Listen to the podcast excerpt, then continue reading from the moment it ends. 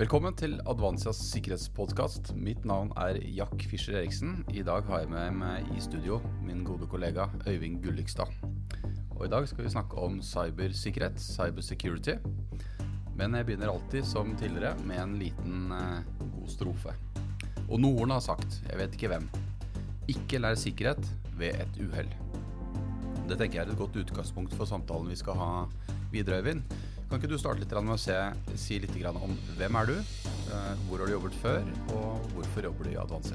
Ja, det kan jeg godt gjøre. Eh, jeg heter jo som det sagt Øyvind Gullikstad. Jeg har jobbet med IT-sikkerhet, cybersikkerhet, eh, det har mange navn, siden 1998. Så jeg begynner å få en viss fartstid. Jeg har jobba i merkantildata den gangen det. Jeg har jobbet i telecomputing den gangen de het det. Jeg har jobbet uh, nesten syv år som IT-sikkerhetsansvarlig for Elkjøp på konsernnivå. Jeg har uh, jobbet for uh, Intel Security og McAfee på leverandørleddet. Og de siste årene så har jeg jobbet ut, utleid som konsulent hos et stort norsk selskap. Og det trives du med? Det trives jeg med. Det er gøy å møte nye mennesker. Det er gøy å få nye utfordringer, og ikke minst ha dyktige mennesker rundt seg. Det er gøy. Og i denne koronatiden, da det, blir det uvant å sitte på hjemmekontor, eller er det naturlig for dere som jobber med IT-sikkerhet? Jeg tenker at alle som ikke har en uh, fysisk arbeidsoppgave, kan fint jobbe hjemmefra. Uh, problemet, eller utfordringen for meg mest, er vel det at jeg er en del avhengig av uh, de kollegaene jeg jobber med. Spesielt når jeg jobber som arkitekt. og da er det en del folk som har en del kunnskap som jeg trenger å jobbe med. og Det er lettere hvis man er on site og kan prate med dem og plukke dem opp i gangen eller uh, angripe dem når de sitter på kontoret og stille spørsmål uten å kalle inn til et møte.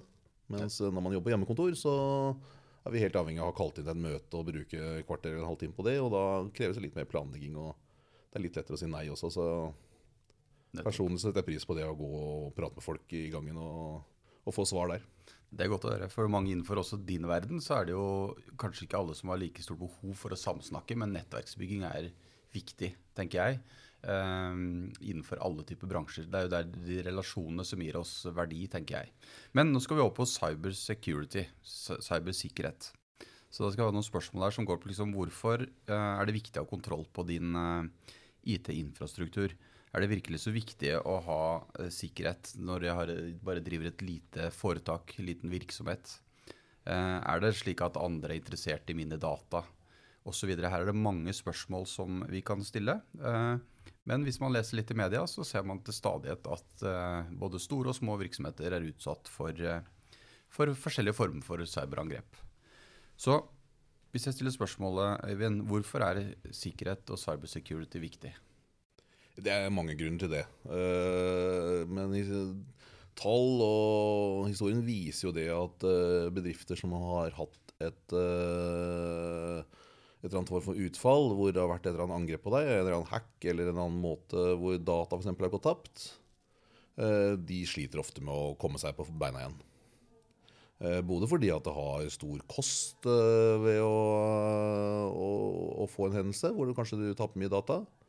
Eh, det taper renommé. Og eh, du vil også slite med en del andre ting rundt dette. her, Både det å rydde opp koster penger, og det å selvfølgelig finne ut hvorfor ting skjedde, koster jo penger. Så, så det å ha en grunnleggende IT-sikkerhet på plass gjør at uh, muligheten for at uh, noe skjer deg, er jo vesentlig mindre. Mm.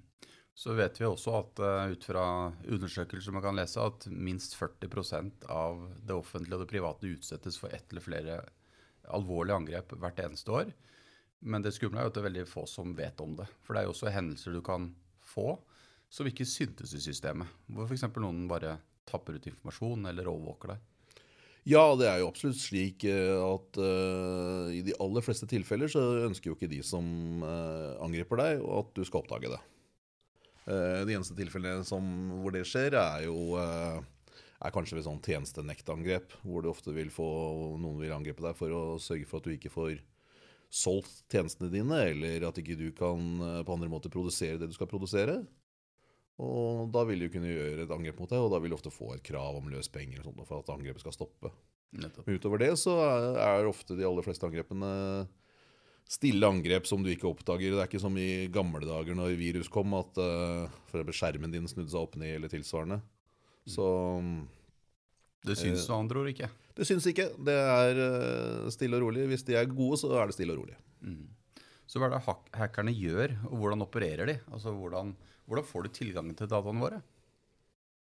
Ja, det er jo mange forskjellige måter å gjøre det på. Det ene er å benytte seg av svakheter i et system, og så få tilgang via den på den måten. Enten via eksponerte tjenester ute på internett, at man kommer inn der og hopper videre innover. Eller man kan få en ansatt for eksempel, til å kjøre en liten programsnutt. Som gjør at man også får tilgang til dens PC, og så kan man da jobbe seg videre innover i systemer fra hans PC, f.eks. Hans eller hennes PC. Det vi også har sett som har vært en svært stor økning på, det er jo det man kaller phishing, eller smishing og wishing, Ja. som man også er inne på. Og det er vel det å prøve å lure ansatte til å levere ut informasjon. Ja, Er det direkte hackere som står bak det, eller er det bare kriminelle? Eller eh, hvilken type folk er dette, tro? Det er vel ikke noe forskjell på hackere og kriminelle nødvendigvis lenger. Det er jo kriminelt å hacke, så Ja, det, det er er jo straffelovsmessig så er det det samme. Ja, det kommer litt an på strengt tatt. Eh, Vi ser jo at det er en del andre nasjonsstater som, eh, som hacker norske bedrifter. Og Da kan man jo argumentere med at de som gjør det i, i det landet, for så vidt ikke gjør noe kriminelt i det landet. Men de gjør absolutt noe kriminelt i forhold til norsk lov, selvfølgelig. Mm. Men uh, jeg tror det, det vi har sett mest uh, den siste tiden, er vel at, uh, er vel at uh, hackerne er blitt uendelig mye mer profesjonelle enn de var for eh, noen år tilbake.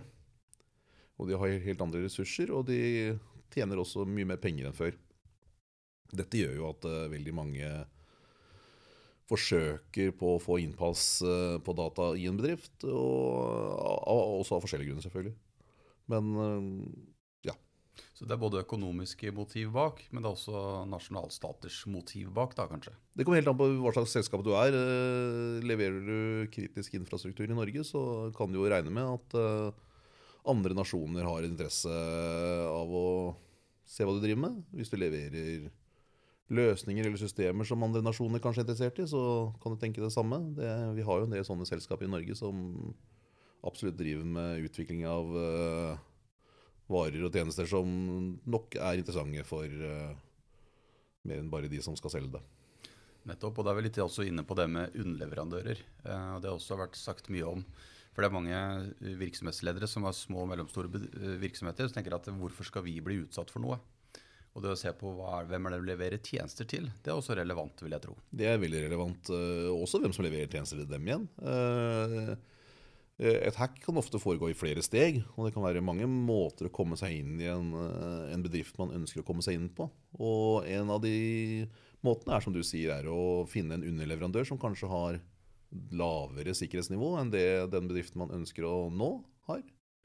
Mens, eh, og da bruke de tilgjengene som det selskapet har. Enten ved å kompromittere en type software de lager, kanskje, som det andre selskapet bruker, og sørge for å få en måte inn via den på. Eller eh, ved at de har tilganger inn til eh, det egentlige målets eh, nettverk, fordi, fordi de driver med vedlikehold av systemer der, og, og på den måten har en legitim tilgang inn. Så egentlig så betyr det at nesten alle virksomheter i Norge bør tenke cyber security. Både for egenbeskyttelse, men også beskytte kanskje de de eh, opererer sammen med, eller er eh, en underleverandør for. Absolutt. Ingen selskaper er eh, helt uaktuelle for en hacker. Nei, Det kommer helt an på bare hva, hva motivet deres er. Eh, og det kan være så lett som at eh, du har en webside eller du har eh, et lite nettverk, og, de ønsker bare å kontrollere den for å bruke den til et angrep videre, f.eks. At du er et eh, At du ser ut som du er den skyldige hvis du, noen, noen skal hacke et, et, en tredjepart. Og da får du problemer. Da dukker jo plutselig noen opp på døra og lurer på hvorfor du har eh, prøvd å komme deg inn i bedrift X eller Y. Nettopp. Men hvis vi, hvis vi ser på, på det med cyber security, så er det kanskje mange ledere som tenker at dette er komplisert, dette er vanskelig. Jeg må leie inn konsulenter for å kunne løse det. Det blir det veldig dyrt, eller er det slik at eh, det er en quick fix for veldig mange virksomheter å få en bedre sikkerhet? Eh, ja, det er forskjell på, på Jeg hadde en kollega som sa at det er forskjell på dyrt og mange penger. Men, eh, og det kan nok gjelde uansett hva beløpet er. Mm. Eh, men jeg tenker alternativet kan fort bli vesentlig dyrere ved å ikke gjøre noe. Mm. Så det er vel det viktigste svaret. Men, men det behøver ikke å være dyrt å få på plass et, et godt nok grunnlag for å si at her har jeg gjort mitt for å sikre bedriften og de dataene jeg har, og de tjenestene vi har. og og, og, ikke minst da meg som, som selskap. da. Mm. Det kan vel aldri bli sikkert nok å hindre et angrep. Det er jo egentlig umulig for en virksomhet. For å hindre en annen til å ha en intensjon eller kapasitet går jo ikke. Men, men det å avdekke at du har blitt angrepet, det er vel kanskje det store svakheten i mange norske virksomheter i dag. Og kunne reagere på det. Ja, det er riktig. Eh, og jeg tenker For å kunne avdekke dette, så er det helt klart viktig at man har en god oversikt over hvilke data man har, eh, hvilke tjenester man har og bruker. Ikke minst, slik at man kan eh, forstå bedre hvor, hvor, hvor data flyter.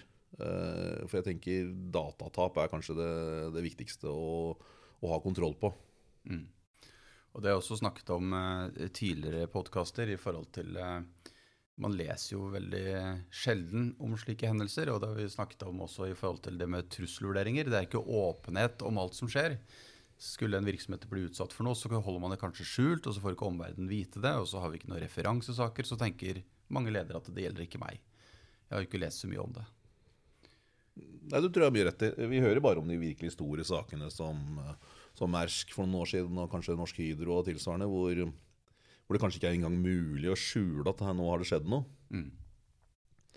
Men utover det så er uh, deling av informasjon og åpenhet uh, fortsatt uh, ikke der man skulle ønske det var. Jeg tenker jo Deling av informasjon og, og, trusler er en av de viktigste verktøyene vi har for å kunne gjøre noe med dette her. Det har jo NSM også sagt veldig mye om, og jeg støtter at dette er en vanskelig balansegang mellom rikets sikkerhet og åpenhet. Vi skal litt over på en case, eh, Øyvind. Vi jo, står overfor mange forskjellige typer kunder. Jeg kunne tenke meg en liten type case som sier litt om en bedrift som f.eks. selger online-tjenester til både privat- og bedriftsmarkedet. Webbutikken driftes av et annet selskap. De oppdager at informasjon om egne kunder ligger ute på diverse sider i dark web. Altså de har oppdaget at skaden har skjedd. Hva er det som kan ha skjedd da? Nei, det er jo uh, en, del, en, blanding av de tingene vi allerede har snakket om. Uh, I dette tilfellet så kan det f.eks. være at det selskapet som hoster disse websidene, har hatt et uh, angrep på seg som har vært vellykket. Og de har brukt denne tilgangen til å hente ut informasjon om kundene. Og typisk persondata er, er ting som hackere er veldig interessert i. Det er en lett omsettelig vare som man kan tjene greie penger på. Mm. Riset bak speilet der er jo både omdømme, men også GDPR-lovgivningen. Ja. Det er veldig kostbart å bli utsatt for et uh, datatap, uh, uansett hvor stort det er. sånn sett. Men Hvordan kan man da innrette seg for å oppdage dette så tidlig som mulig? Hva er det de, liksom, de enkle grepene og knepene man bør, bør benytte seg av? Det er jo uh, flere ting man kan gjøre, men selvfølgelig opplæring av de ansatte er viktig. Uh, ha god forståelse og kunnskap om hvor ligger mine data. Uh, hvem har, tilgang til mine data? Og med mine data her så mener jeg selvfølgelig da selskapets eller bedriftens. Og så bør man vel også ha en god plan for hva man gjør hvis noe skulle skje også. Nettopp. Og da er vi jo på de andre tjenestene vi også leverer, som er beredskap. ikke sant? Den risikoen man eh, ikke kan akseptere, må man ha beredskapsplanverk for, for å sørge for at du ikke får et omdømmetap, at du kommer raskt tilbake igjen i normaltilstand osv. Dette henger jo sammen, alt sammen, egentlig. Absolutt. Ja. Det er viktig å ha en plan for eh, når det verste skjer. Men kan du kjøpe deg ut av denne eh, risikoen? Holder det med en forsikring, eller? Er det, er det en enkel løsning som, som, ikke er dekkende? Du kan jo gjøre risikoreduserende tiltak. kan du gjøre. Mm. Men øh, å kjøpe seg helt ut øh, får du nok ikke gjort. Men øh, mye er gjort hvis du ikke har egne ressurser. At du kjøper inn gode konsulenttjenester og folk som kan dette her og har gjort det før. Som kan eh, hjelpe deg i, i veien mot et eh, sikrere nett og, og sikre bedriften din eh, mot slike angrep. Nettopp. Vi skal gå inn mot en liten avslutning, jeg er litt opptatt av at eh, lytterne våre får med seg noen råd på veien. Hvis du skal gi tre gode råd til virksomhetsledere, hva er det du vil nevne da? Jeg tenker eh, litt en oppsummering av det vi allerede har sagt. Eh, Jeg tror det aller, aller viktigste det er å forstå at IT-sikkerhet er et ledelsesansvar. Det er ikke IT-avdelingen. Det er ikke Gunnar på IT som har ansvar for at bedriften din er sikker. Det er eh, styret og det er ledelsen som har ansvar for at det er gjort. Mm. Og så vil jeg også tilbake til at det er viktig å vite hvilke tjenester man har, bruker, hvilke data man har. Eh, Hvor ligger dataene mine? eh, Hvilke tjenester bruker jeg til å lagre dataene mine i? Hvilke skyer ligger de i?